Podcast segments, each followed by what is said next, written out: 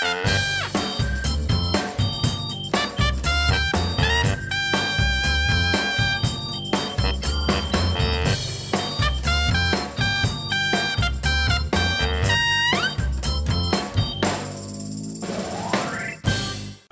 het eerst in de geschiedenis van de CIP-podcast hebben we geen introductie en ben ik sprakeloos. Ja. Je kan beter nu sprakeloos zijn dan straks, Jeffrey, bij het laatste oordeel. Ja, want daar gaan we het dus over hebben. Daar gaan we het over hebben. Althans, over de bokkenkant, hè?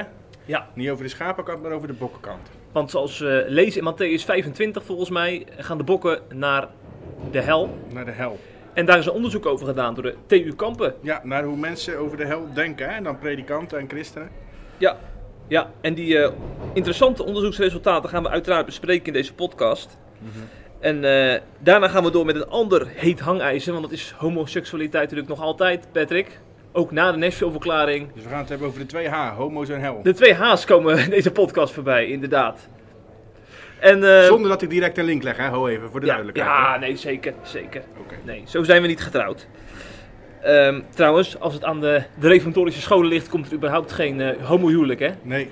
En als die jou ligt? Als het aan mij ligt, Ja? Ja, dat is nou een, een, een, eh, onderwerp waar ik nog niet over uit ben ah, persoonlijk. dat is zo laf. Nee, weer. nee, dat is nee, nou typisch, typisch. Ik vind, juist als je podcast maakt, moet je ook stem je zeker, hè? framing. Juist als Dit is je, geen framing. juist als je podcast maakt, moet je ook kunnen zeggen, ik weet het soms gewoon niet. We zijn allemaal, we kennen maar ten Ja, dele, maar jij zegt durft gewoon geen mening in te nemen. Standpunt in te nemen. Nee, ik durf over homoseksualiteit wel een standpunt in te nemen, maar over homohuwelijk ben ik er gewoon niet uit. Omdat de, de Bijbel ook heel duidelijk zegt dat het huwelijk voor man en vrouw is. Ja. Maar ik, ja, ik ook wel weer kanttekeningen kan plaatsen. Dus ja, voor's en tegens, hè, zoals we dat wel eens bij CIP doen. Dat zeg ik geen standpunt in nemen. Het radicale midden, daar ben ik van. ja, nou, over radicaal gesproken. De hel. De hel, dat is een eh, behoorlijk eh, radicaal issue. Ja, Ook al vanaf de kansel gaat het er wel eens radicaal aan toe. Dat klinkt wel eens hel en verdoemenis. dat kan je wel stellen, ja. En ehm, eh, er wordt natuurlijk heel verschillend gedacht, ook onder christenen, hè, over de hel. Ehm, voor weetwatjegeloof.nl, een kennisplatform, is dat aanleiding geweest om eh, een onderzoek te starten. Eh, Ze hebben honderden mensen een enquête laten invullen, predikanten en gemeenteleden. En eh, de uitslag wordt vrijdag gepresenteerd bij een studiedag over de hel. Dat is ook een van de belangrijkste aanleidingen van, de- van die enquête geweest trouwens, hoor, die studiedag. Eh, om het ook zo op die manier onder de aandacht te brengen bij, bij hun achterban. En ehm, een andere aanleiding is, dat vertelde William de Boer, dat is de initiatiefnemer van die enquête, dat hij dus de indruk heeft, gewoon eh, uit de wandelgangen, dat christenen wat genuanceerder over de hel praten vandaag de dag. En dan is het natuurlijk fijn als je resultaten hebt om dat ook te staven op een verjaardag, hè, als je dat beweert. William de Boer, dat is dus de initiatiefnemer van, eh, van het onderzoek. Hij was de gast in het radioprogramma EO Live. En hij stipte nog even aan eh, hoe divers de reacties waren in de enquête. Maar wat wij gezien hebben, waar we ons over verbaasd hebben, is de gretigheid eh, waarmee gereageerd wordt op de enquête. We hebben sinds vorige week vrijdag hebben we meer dan 1500 eh, eh, ingevulde enquêtes teruggekregen. En mensen die, er is maar heel weinig opengelaten, want anders is zo'n onderzoek ook niet meer te analyseren. Maar we hebben wel wat ruimte voor een toelichting. En dan zie je hoe existentiële eh, eh, reacties worden gegeven, juist in dat kleine open veldje. Zoals? Mensen die, eh, nou, ik, ik heb er eentje meegenomen en die is wel heel, die gaat wel heel, heel diep. Die is best heftig. Een man van tussen de 25 en 34 jaar oud die zegt: Ik zou er meer aandacht voor willen voor de hel. Ik ben bang en angstig en durf er niet over na te denken. De hel, evenals Gods oordeel, maken me erg bang. Ik durf me er eigenlijk niet in te verdiepen en toch zou ik graag gerustgesteld willen worden, zodat ik minder bang voor God en mijn daden ben. Nou, dat is aan de ene kant van het spectrum. Aan de andere kant heb ik bijvoorbeeld een, mooie, een mooi voorbeeld van een reactie van een vrouw die predikant is in de PKN. En die zegt op de vraag van wie komen er in de hel? Die zegt nou niemand. De hel is een toestand in dit leven, het Gehenna, wat we net al zeiden, een kwelling of afgescheidenheid van God, zo je wilt. De hel heeft niets met een bestemming na dit leven te maken. Ook de hemel kunnen we beter op aarde lokaliseren. Nou, dat is helemaal aan de andere kant van het spectrum. ja. En zo zie je dat er geworsteld wordt. En tegelijkertijd zeggen, ja, heel veel mensen zeggen ook, je moet het er maar niet over hebben. Maar als we met juist zo'n thema die zo dichtbij komt en die mensen bang kan maken, eh, of die mensen pff, moet laten nadenken over van, eh, ja, maar hoe zit het dan met mijn kind die niet meer naar de kerk of niet meer gelooft? Hoe zit het met mijn buurman? Hoe zit het met al die mensen die nooit van God gehoord hebben? zijn Nou, ik denk dat het heel belangrijk is om er dan juist wel met elkaar over te hebben. Precies.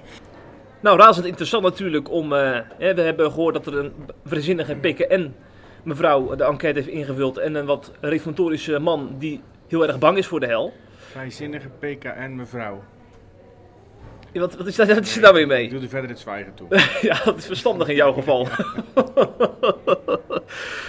die diversiteit kwam dus ook in die enquête aan bod. En eh, die, die resultaten gaan we nu even doornemen. Wat daaraan opvalt, ze hebben trouwens een eerdere enquête gedaan in 2004, hè? Mhm. dus dat is alweer een hele tijd- geleden.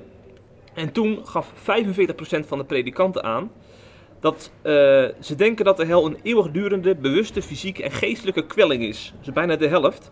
En dat percentage is gezakt onder die predikanten naar 28%. Dat, Dat, vind ik toch flink, hè? een behoorlijk Dat is heel verschil. flink, hè? Ja, Dat is bijna de helft, hè? Poh. Ik moet ook wel zeggen, daar is ook wel even een, een simpele verklaring voor. Want die enquête in 2004 ging over het algemeen naar de wat behoudendere kerken toe. Dus CGK, Gereformeerde Bond. Eh, en de enquête dit jaar ging ook naar Rooms-Katholiek. Remonstranten waren er ook bij. En de wat vrijere gezintes binnen de PKN. Ja, precies. Dus ja, dat is natuurlijk ook een deel van eh, de verklaring. Maar het neemt niet weg dat er wel degelijk een verschuiving gaande is. Want eh, onder de christelijk gereformeerden bijvoorbeeld... ehm, is het percentage ook behoorlijk gezakt als het gaat over de hel als een, als een eeuwige scheiding zien van God. 58% van de CGK'ers geloofde dat nog in 2004. En nu is dat minder dan 30%. Vind ik ook wel een behoorlijk verschil. Ja. En ook bij de gereformeerd vrijgemaakt is een soortgelijke verschuiving eh, te ontdekken. Dus je kunt dus wel degelijk stellen dat predikanten wat milder over de hel denken Ja. Eh, vandaag de dag. Over het algemeen genomen dan, hè? Ja. Want in hetzelfde onderzoek blijkt dat eh, juist in behoudende Ja. gemeentes de populariteit aan de traditionele kijk op de hel Ja. eh, toeneemt. Dus dat betekent dat ze daar juist vaker op die manier over de hel spreken. Hè? Dus daar zie je eigenlijk juist een tegenovergekeerde trend. Juist, ja. Wat die William de Boer trouwens heel opvallend vond, zei hij in het Nederlands Dagblad, toen hij de enquête-uitslagen doornam, was dat gemeenteleden een traditionele beeld bij de hel hebben dan predikanten. Dus 36% van de gemeenteleden gelooft dat de hel een eeuwigdurende, bewust fysieke en geestelijke kwelling is. En bij predikanten is dat iets meer dan 30%. Je zou toch juist denken dat het andersom is? Ja, dat is apart, ja. Ja. Ja. Dus eh, dat, vond hij, dat is wel- inderdaad wel een eh, opvallende uitslag. Misschien komt het omdat predikanten er meer onderzoek naar gedaan hebben en dan tot de conclusie komen dat het misschien helemaal niet zo eenduidig is als Ja. altijd gedacht is. Ja. Dat weet ik niet hoor trouwens, en ik heb er ook Mhm. niet heel veel onderzoek Ja. naar gedaan. Maar dat zou kunnen. Ja, en die predikanten die, die weten natuurlijk de grondtekst en die weten ook bijvoorbeeld dat de hel eh, op verschillende plaatsen een andere eh bewoording kent Ja, in het Grieks en het Hebreeuws. Gehenna is dat, hè? Dat Ja. is zo'n plaats buiten Jeruzalem. Ja, en gemeenteleden die Ja. zijn natuurlijk vaak niet echt van op de hoogte. Nee, precies. Dus dat zou kunnen, ja. Ja, precies. Jou is ook nog wel een aantal dingen Ja, opgevallen. ja ik, heb, eh, ik moet zeggen dat ik het onderzoek een beetje bekeken heb. Ik heb daarnaast heb ik ook met dominee Belder gesproken. Oh ja. Dominee Jan Belder. Die eh, gaat eh, tijdens de eerder benoemde studiedag waar je het over hebt, hè, waar je het over hebt gehad, gaat hij ehm, een workshop geven over de plaats van de hel in het pastoraat. En ik heb hem eh, een aantal vragen gesteld en ik heb zelf ook nog wel een aantal opmerkingen. Het eerste was, dat kwam ik, zei ik eigenlijk net al een beetje, dat ik het opvallend vind dat juist bij behoudende gemeenten eh, de traditionele kijk op de hel eh, aan populariteit wint. Ja, wat bedoel je met behouden? Volgens mij ging het voornamelijk over Gereformeerde Bond. Hè? Dat is de behoudende stroming binnen de hervormde kerk. Eh, en, en alles een beetje rechts daarvan. Dus dan Hersteld hervormd. Ja, precies. Eh, De, de, de behoudende stromingen binnen de CGK. en, en nog verder rechts daarvan. hè. Dat zijn nogal een aantal kerken. Daar heb ik ook Belde naar gevraagd, naar dat punt. En hij zei, nou dit verdient absoluut meer aandacht. Want hij vroeg zich eigenlijk af of er inderdaad wel veel vaker over de hel werd gesproken. Of dat we het woord gewoon meer opvangen dan voorheen. Ja. Snap je wat ik bedoel? Hij zei, en het begon hij onder andere over kerkverlaters. Hè? De secularisatie is natuurlijk enorm toegenomen. Maar hij zegt, ik hoor heel veel kerkverlaters. Die zeggen dan, ja, het was alleen maar hel en verdoemenis. Hmm. Hij zegt, als ik dan vraag in welke kerk ze zaten en bij welke dominees ze zaten, dan is dat helemaal niet zo. Alleen is dat wel gewoon hetgeen wat ze is bijgebleven. Dus hij vraagt in hoeverre dat nou echt zo is, dat er in behoudende kringen zoveel meer over de hel wordt gesproken. Of dat dat meer hetgene is wat eh, de kerkgangers bijblijft. Mm. Snap je? En hij zei dat verdient eigenlijk wel een nader onderzoek. Dus misschien is het wel een idee voor ons eh, om dat te doen. En tot slot stelde hij daarbij nog een andere vraag. Ehm, als er meer over de hel wordt gesproken, op welke manier dan? Want dat vindt hij heel belangrijk. Wordt er over de hel gesproken vanuit de overwinning van Christus? Of als een dreigende werkelijkheid voor wie buiten hem en tegen hem inleeft? Dat is wel een verschil Ja, inderdaad. dat is toch wel een eh. verschil. Ehm, ik vind persoonlijk overigens wel dat je over de hel moet spreken. Ik bedoel, laten we heel eerlijk zijn, dat zei Belde trouwens ook. Jezus spreekt er zelf heel vaak over, hè, regelmatig over de hel. kun je niet ontkennen. Ehm, de vraag is voor mij ook niet dan of je er al dan niet over moet spreken, maar meer de manier waarop je erover spreekt. Hè. En dat benadrukte die dominee Belder trouwens ook in dat gesprek met mij. Hij zegt, ik heb het liever ook helemaal niet over de hel. Dat, dat vond ik heel opvallend. Dus ik heb het veel liever over Christus en over de toekomst die hij voor ons, die hij voor ons klaar heeft staan. En eh, voor iedereen die hem lief heeft, die hem lief heeft en die hem volgt. Ehm, maar daar voegt hij wel aan toe dat de hel wel een bittere werkelijkheid is. Ehm, omdat ook de Heer Jezus er inderdaad vaak over gesproken heeft. Maar met geen andere bedoeling, en dan quote ik hem, dan dat een mens die plaats ontgaat. Door zich restloos en onvoorwaardelijk aan hem, dat is Jezus dan, over te geven. Dat vind ik wel een belangrijke. Dus hij, hij wil het wel over de hel hebben, maar dan alleen als een plaats waar God ons eigenlijk helemaal niet wil hebben. Hij wil ons er juist van redden, zeg maar. Hè? Dat is natuurlijk een hele andere benadering dan mensen er bang mee maken. Ja. Ehm, daarnaast vind ik wel dat je keuze moet maken. Er zijn mensen die, die zeggen in de hel te geloven, maar dan eigenlijk het liefst er zo weinig mogelijk over hebben. Ja, dat, dat, dat kan niet. Dan moet je wel eerlijk zijn. Eh, dan moet je zeggen, ja, als je er niet in gelooft, hoef je het er niet over te hebben natuurlijk. Maar als je er nou wel in gelooft, ja, dan moet je het er gewoon over hebben. En dan komt het soms ook op een hele lastige manier te sprake. Als je bijvoorbeeld gaat evangeliseren. Ehm, Ja. Je kan mensen over, over God gaan vertellen, over Gods liefde. Maar vroeg of laat dat, komt er een vraag. eh, hoe, hoe is een liefdevolle God nou te rijmen met een God die mensen ook naar een hel stuurt? Mhm. Jij gaat daar maar eens antwoord op geven, Jeffrey. Ja. Ik, mij lijkt het moeilijk. Ik kan niet, nu niet zo 1, 2, 3 een antwoord verzinnen. En je kan ook niet zomaar op Gods stoel gaan zitten door te zeggen van ja, eh, als je op dit moment zou sterven, dan ga je naar de hel. Ik bedoel, daarvoor zijn we, te beperkt om dat te bepalen. Ja. Overigens vind ik dan wel dat je, kijk, de hel is, eh, dat, dat zei Belder ook zo mooi, de hel is eh, eigenlijk Gods reactie op het kwaad in de wereld. Hè? Ja. En, en ik denk ook, eh, dat zei Belder niet, ik denk zelf, ehm, eh, volgens mij staat het ook wel in de Bijbel, hoor, dat de hel eh, oorspronkelijk gemaakt, bedoeld is voor de duivel Ja. en zijn demonen. En niet voor de mens. De mens is gemaakt om bij God te zijn. De mens is sterker nog, de mens is gemaakt om net als God te zijn. Hè? Om, We zijn naar zijn evenbeeld gemaakt. Dus dat is wel goed om te onthouden. Wij zijn niet gemaakt voor de hel. Ehm, maar ja, als jij niet bij God wil zijn, dan ben je op een plaats waar God niet is. En dat is volgens mij de definitie van hel. En tot slot wil ik dan nog, dat vond ik ook wel heel mooi aan het interview met, eh, met dominee Belder. Ehm, die deed nog een opvallende uitspraak. Hij zei namelijk, buiten de kerk wordt vaker over de hel gesproken dan in de kerk. Hè? Dus, dus uit het onderzoek blijkt ook dat er steeds minder over de hel wordt gesproken. Hij zegt maar, als je nou eh, juist eens buiten de kerk gaat kijken, bijvoorbeeld in, in computergames, eh, in, in, in liedjes, in popsongs, daar wordt op een of andere manier komt het woord hel best vaak voor. Hè? Of die, die beeldenis of die beeldspraak daarvan. Ook als ik wel een hoepelsamenvatting kijk, wordt er vaak gesproken over eh, de hel van Groningen Ja, bijvoorbeeld. precies. Omdat daar eh, Ja. veel clubs verliezen, bij wijze ja, van spreken. Ja, nou dat zou ik Groningen niet als voorbeeld gebruiken. maar inderdaad, precies. En ook gewoon in, in liedjes zie je het vaak terugkomen. In eh, computergames zie je het heel vaak terugkomen. Een soort helle voorstelling. Hè? Het is toch een soort symbolisering van het kwaad. En alle computers, films, liedjes va- vaak ook. Dat wordt altijd de strijd tussen goed en kwaad in gesymboliseerd. Hè? En dan is de hel toch altijd een soort van plaats van het kwaad. Of waar het kwaad vandaan komt. Of waar het kwaad naartoe gaat. Dat is allemaal prima om te benoemen. Maar binnen het geloof is het schijnbaar toch een stuk moeilijker. Omdat het realistischer is misschien. Ja, ja, ja. Overigens, eh dominee Belder is niet de enige die deze week op CIP is verschenen over eh, de hel en dit onderwerp. We hebben ook Arco Den Heijer gehad, een bijbelonderzoeker, die Mhm. ook op die studiedag gaat spreken. Dus CIP zit weer eens bovenop het nieuws, zoals we gewend zijn van Ja. ons christelijk platform. En eh, ik wil trouwens geen compliment hoor van, van de luisteraar, maar ik wil toch even duidelijk maken dat we graag het nieuws volgen. En die Arco heeft een hele, hele mooie quote die ik nog graag even wil toelichten aan het eind van dit blokje. Hij zegt: Als je wilt weten hoe erg de zonde is, zou je moeten kijken naar het kruis van Jezus en niet naar wat de Bijbel over de hel zegt.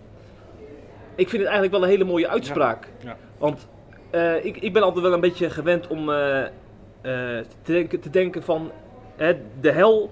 Dat, dat is een soort beginpunt als je het hebt over, over het kruis van Jezus. Maar als je het kruis van Jezus als uitgangspunt neemt, ja, dat is natuurlijk een hele andere focus. Overigens ging volgens eh, de geloofsleiders ging Jezus natuurlijk zelf naar de hel. Hè?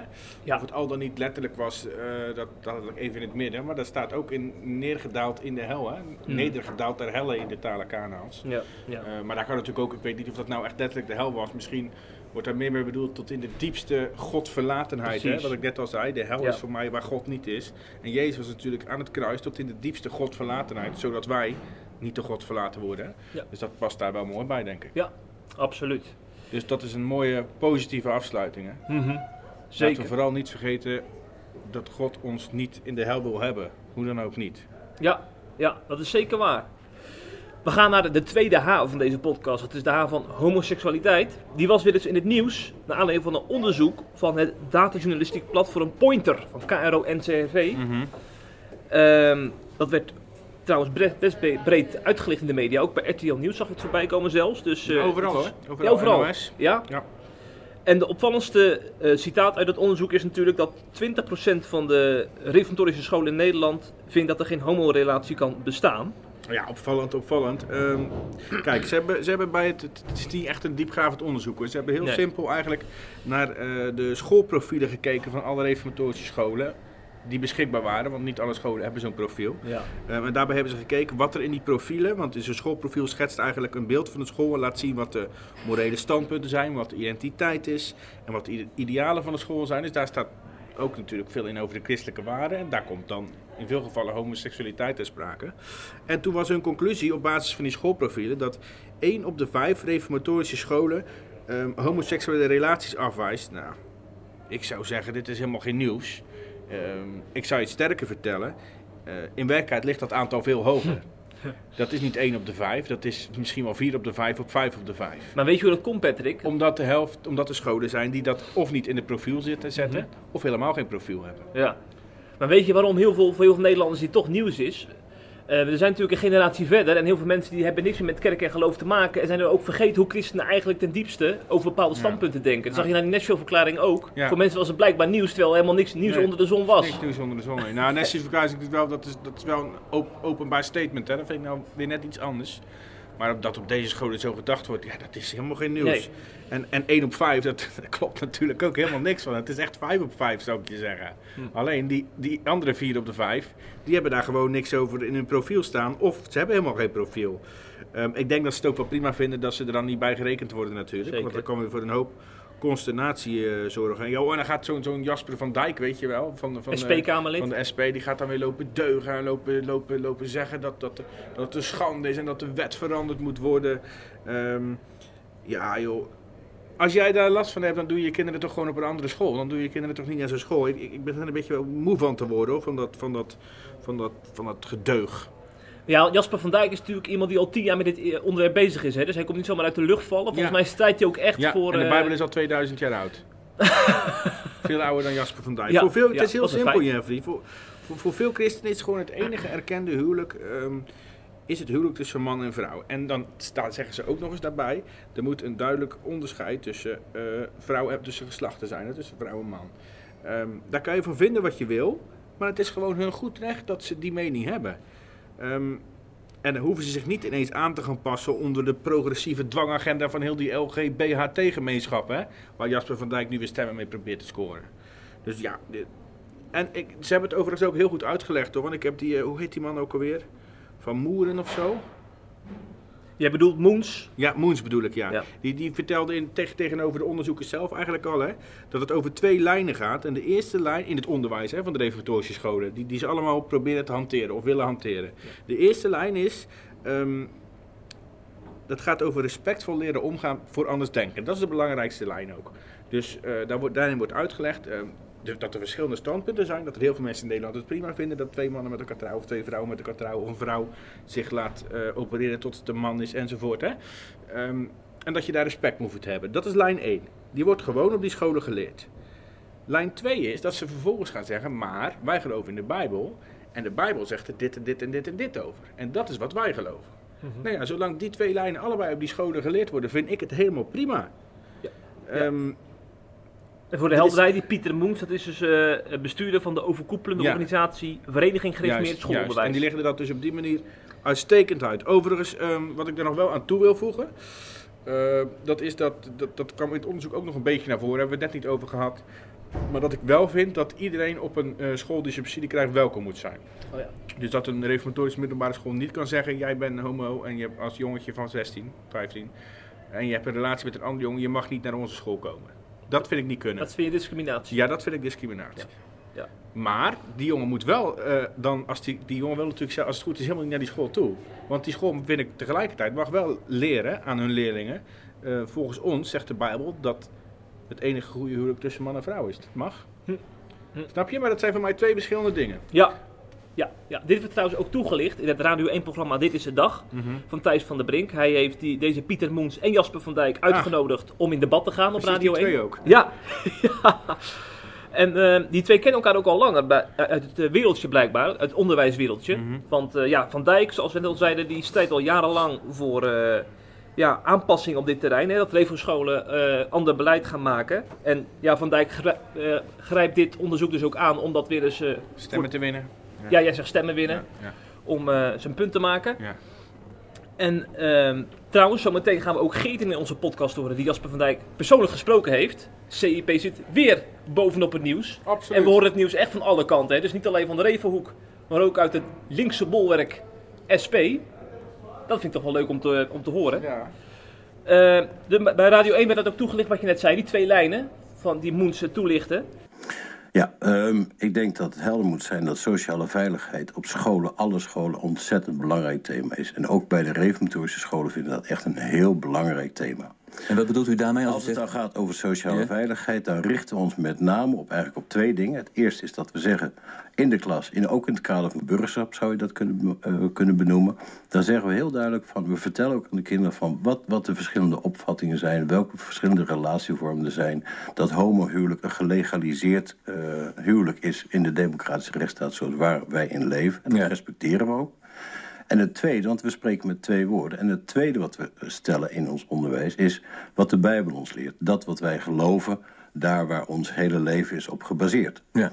Dus die twee zaken breng je naar voren. En- en dan zegt u van sociale veiligheid. Mag even, even proberen samen te vatten? U zegt, dan, dan zeg ik tegen de leerlingen... volgens de Nederlandse wet mogen homo's trouwen. Ja. En die zijn ook helemaal gelijkwaardig aan hetero's. Zeker. Wij geloven dat de Bijbel zegt dat het huwelijk bestemd is voor man en vrouw. Ja, dat is wat wij geloven, dat is wat wij beleiden. En daarmee wil ik dus absoluut niet zeggen dat het homohuwelijk zoals het in Nederland is gelegaliseerd, dat wij daarvan zeggen van dat, dat mag helemaal niet. Nee, want dat is een onderdeel van je democratische rechtsstaat. Ja. Alleen wat we geloven en wat we beleiden en wat we ook aan de kinderen vertellen daarover, dat zijn die twee woorden waar we het over hebben. Ja. En Van Dijk, die, eh, ja, die, dat kwam niet helemaal bij hem over. Maar ik weet wel hoe dat komt. Van Dijk, die, die eh, haalt twee dingen door elkaar. Namelijk het homohuwelijk en homoseksualiteit. Ik zag het ook toen eh, na die Nashville-verklaring. Allerlei mensen die er bovenop doken. Die zeiden, ja, al die Nashville-broeders, allemaal discriminatie wat ze doen. Maar die Nashville-broeders maken echt onderscheid tussen iemand die homoseksueel is... en zijn geaardheid eh, een plek wil geven. Bijvoorbeeld door celi- celibatair te leven. Eh, en het homohuwelijk. Eh, Jij bedoelt eigenlijk, ze discrimineren niet alle homo's, maar alleen de homo's die praktiseren. Nee. dat is heel flauw dit. Ja, het is, ja, het is, dat zou Jasper van Dijk nu natuurlijk zeggen. Nee, nee, maar, nee, maar je, je kunt homoseksueel leven zonder ook het homohuwelijk goed te keuren. Sterker nog, er zijn christelijke homo's die vinden dat de Bijbel st- grenzen stelt bij het huwelijk. Maar die Van Dijk die, die denkt dus gelijk dat dat discriminatie is. Ja, maar het is, toch, het is toch nog steeds discriminatie. Alleen het is een kleinere groep die je discrimineert. Want je discrimineert toch nog steeds de mensen die wel eh, gewoon met iemand van hetzelfde geslacht wil trouwen. Nee, je kunt, je kunt zeggen, het homohuwelijk erken ik niet vanuit de Bijbelse grondslag. Maar ik erken wel dat er homo's zijn die een geaardheid hebben. En dat ook op een eigen manier een plek geven in hun Ja, leven. maar dan erken je dus niet mensen die willen trouwen met iemand van hetzelfde geslacht. Dus die discrimineer je dan toch? Discrimineren, dat, Ja, maar is, dat is niet iedereen op ja. dezelfde manier behandelen. Het punt is dat dus als jij zegt, jij, ja. jij mag wel trouwen Jeffrey, want het is met een vrouw. Maar eh, jij, eh, eh, Jasper niet, want het is met een man. Ja. Maar het punt is dat je nu Van Dijk al kwijt bent, want die snapt dat onderscheid niet dat jij nu maakt tussen mensen die eh, eh, een, een homo- homo-relatie hebben en dat willen bevestigen door een huwelijk. En mensen die bijvoorbeeld vanuit bij- bijbel, Bijbelse grondslag celibatair willen leven en toch hun geaardheid ook in de kerk, ook op school, een plek geven. En daar ook gewoon een klimaat is waar zij Ja. kunnen bewegen. Ja. De, overigens begrijpt men, begrijpen heel veel kerken dat onderscheid ook nog niet goed, hè? Of begrijpen misschien wel, maar wordt daar nog niet goed mee omgegaan, vind ik, binnen het christendom. Ja. Want eh, iemand die daar natuurlijk heel veel mee bezig is, is Herman van Wijngaarden. Die Ja, we ook precies. regelmatig op SIP hebben. Ja. En eh, die, is daar, die breekt daar echt een lans voor. Die doet heel goed werk, vind ik, met zijn stichting ook. Mhm. Ehm, maar ik, denk, ik vind dat, dat, dat daar in de kerk nog te weinig aandacht voor is. Ja, ja. Maar snap je mijn punt? Zo'n Jasper van Dijk die snapt niet dat er ook een Herman van Wijngaarden rondloopt. Ik snap dat. Ja. En ehm, ondertussen is hier aangeschoven de enige echte Geerte van Breugel. Ja, Die zojuist Wat een introductie. vers heren. van de pers met Jasper van Dijk heeft gesproken. ja. Net opgehangen. We hebben elkaar gesproken naar aanleiding van het onderzoek van Pointer. Eh een vijfde van de reformatorische scholen heeft in haar schoolprofiel staan dat het homohuwelijk moreel onacceptabel is. Ehm, nou ja, je, je snapt het al, Jasper van Dijk eh, die kan daar niet mee leven. Die vindt dat het, eh, die is daar sterk op tegen, stelt dat, het, eh, de reformatorische, dat die reformatorische scholen discrimineren. Ehm, persoonlijk vind ik dat een stevige stelling, maar daar heb ik hem natuurlijk op bevraagd. En hij zegt, nou ja, de scholen ehm, discrimineren door onderscheid te maken tussen geaardheden. Eh, je mag dit geloven en thuis vertellen, zei hij. Ehm, maar niet op school, want die scholen worden met belastinggeld betaald. Dus op het moment dat de overheid dat betaalt, dan, mag je dat eh, niet uitdragen. En dat trekt hij ook breder. Hij vindt dat je een hele hoop meer dingen niet op een school zou mogen vertellen, maar daar, kom ik zo. Ehm, een heel belangrijk ander punt is dat wat hij aanstipt, is dat hij zegt: hey, je kan me niet wijsmaken dat kinderen met homoseksuele gevoelens hier niet door gekwetst worden. Eh, als je onderscheid maakt, dan voelen die eh, jongeren of, of kinderen, die voelen daar wat bij. Zeker als ze zelf eh, in hun puberteit zitten en ze voelen dat opkomen, of ze voelen dat ze homo zijn, of, of ze ehm, eh, hebben mensen in hun omgeving die daar wat van vinden, of, da- of daarmee te maken hebben. Ehm, ik denk persoonlijk dat het heel erg uitmaakt hoe je als school mee omgaat. Maar Van Dijk zegt gewoon dat mag niet. Eh, je, kan niet de, enerzijds eh, de staat en haar opvattingen respecteren en anderzijds wat anders ook vertellen aan je leerlingen. Ehm, ook in het in de interview op eh, Radio 1 zei die eh, schoolbestuurder Moens, hè, die zei van nou ja, dat, we spreken altijd met twee woorden. We zeggen aan de ene kant eh, de school ehm, accepte- accepteert de, de opvatting van de staat. eh, dat dat gewoon in, de, onze grond, eh, eh, grondwet geregeld is. Eh, maar dat we aan de andere kant vinden wat de Bijbel vindt. Ehm, maar goed, dat, eh, dat, vindt, dat, dat, kan je gewoon niet zeggen. Je mag het in de klas niet vinden. Een leraar mag geen discriminatie legitimeren. En hij zegt dat geldt net zo goed bijvoorbeeld voor een katholieke school die iemand met een hoofddoek weigert. Dus hij trekt het ook veel breder. Hij wil het op zich hier niet alleen op focussen, maar naar aanleiding van dit onderzoek grijpt hij er natuurlijk wel aan om daar wat van te vinden.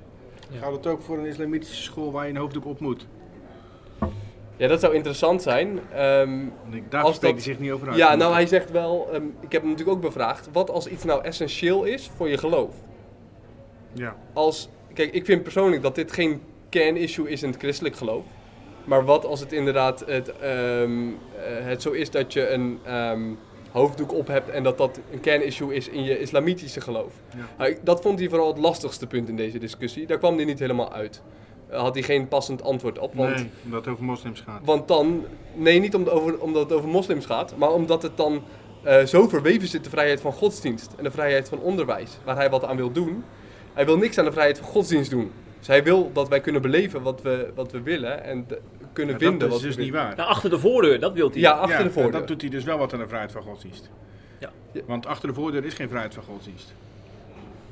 Dat is een Nee, ja, beperkte goed. vrijheid van godsdienst. Ja, nou ja, wellicht, wel- wellicht beperkt dan, maar, maar daar eh, eh, maakt hij zich sterk voor. In ieder geval naar eigen zeggen. Ja, het- nou ja, goed. En dat is natuurlijk de dieperliggende probleem. Daar kom je dan bij uit. Eh, is er bijzonder onderwijs gewenst in deze tijd? En hoe zit dat met artikel 23, eh, de vrijheid van onderwijs? En uiteindelijk vindt Van Dijk niet dat een school bijdraagt aan geloof en geloofsbeleving. Of dat het althans niet voor nodig is. Ehm, en nou ja, daar, dan kom je uit bij de afschaffing van on- bijzonder onderwijs. Waar Ja, hij daar zich niet met die woorden, ja, waar hij zich niet met die woorden over uitlaat. Maar waar je tussen de regels wel hoort dat hij dat eigenlijk het liefste zou willen. Ja. Hij is niet voor segregatie met de SP, zegt hij. Ehm, hij wil juist dat iedereen bij elkaar komt, elkaars opvatting hoort en eh, zijn eigen mening vormt. Ja, Oké, Ik ben benieuwd naar het interview trouwens met Jasper ja van ik Dijk. ook. Ja, die komt deze week op CIP, Geerten. Zeker, overmorgen heb ik met Ik hem niet vaak communist op zip gestaan, hè? Een Communist? Nee, nee. Socialistische partij. We kunnen een rubriek beginnen, de communist van de week. Ja. Nou, Nou, zie dat maar eens 52 weken vol te houden. Goed, dan sluiten we het in ieder geval weer luchtig af. Hè? Dan hebben we die zware onderwerpen in ieder geval gehad, Jeff. Oh, daar ben ik blij om. want Dat was letterlijk zwaar voor mij even. Net, hoor. Alsof ik een rugzak op mijn Ja. eh, schouder zat. Ja, dat heb je niet vaak, hè? Nee, nee, Nee. zelden. Ik vind dat voordat we gaan stoppen met de podcast en weer verder gaan met ons werk natuurlijk. Althans, dit is natuurlijk werk, hè? Ja. Laten we eerlijk zijn. Maar goed, voordat we verder gaan met ons overige werk, eh, wil ik eigenlijk nog met een positief eh, bericht afsluiten. Want we hebben nou zoveel zware kost besproken. Van de week al namelijk naar buiten, en dat hebben we op eh, CIP ook al eh, ehm, een artikel over geplaatst. Dat eh, de Nederlands gereformeerde kerken en de gereformeerde kerken vrijgemaakt besloten hebben eh, tot verdere eenwording. Dat is natuurlijk enorm goed en mooi nieuws. Zeker. Ehm, dat is unaniem besloten. Het was een, echt een heel mooi en emotioneel moment. Komt natuurlijk gedeeltelijk ook wel door de, de pijn uit het verleden, hè, waarbij eh, de scheuring vroeger. 50 jaar Eh, geleden. Ja, daar gaan we nou niet verder veel over uitweiden. Laten we dat nou juist niet doen. Ik vind het vooral heel mooi om te zien dat er juist in deze tijd, waarin kerken vaak nog steeds gaan scheuren en ruzie hebben en hommeles hebben, ehm, ook kerken zijn die de omgekeerde weg bewandelen, hè, die juist weer één worden. Ehm, tijdens de bijeenkomst die ze hadden, waarbij er een, een soort eh, document werd ondertekend, ehm, werd er eerst nog ruimte geboden voor een discussie, maar er was eigenlijk amper discussie meer, omdat iedereen het gewoon met elkaar eens was en iedereen uitkeek naar, naar eenwording. Zelfs zover dat, er, dat, dat de stemming niet eens meer nodig was, die was overbodig. Zo. Omdat iedereen al zei, joh, we vinden het allemaal prachtig. Ehm, en daarop reageerde dominee Oosterhuis met, ehm, eh, en ik citeer hem, Mijn hart breekt, wat ben ik blij met dit gegeven. Wat kunnen we anders doen dan hiervan zingen? En toen werd, het, eh, werd de vergadering afgesloten met het zingen van Psalm 150. En dat deden ze hand in hand volgens mij ook, hè? Ja, ja, dat was Heel fysiek mooi. contact Ja, gewoon. heel mooi en bijzonder. Ja. Ja, zeker. Dus ik stel voor dat wij elkaar de hand geven, Jeffrey. En dat wij dan eh, ook naar die psalm gaan luisteren. Ja. En dat we dan hand in hand terug naar de redactieruimte lopen in het kader van inclusiviteit. En pleit je dan voor alle versen of eh, doen we er eentje van Psalm Zullen we er maar 105? eentje doen? Ja. Nou, kiezen wij de mooiste uit. Want zijn we volgende week nog bezig. En dan zeggen we geniet van, de, van deze psalm. Ja. En tot volgende week En weer. een goede week toegewenst iedereen, hè?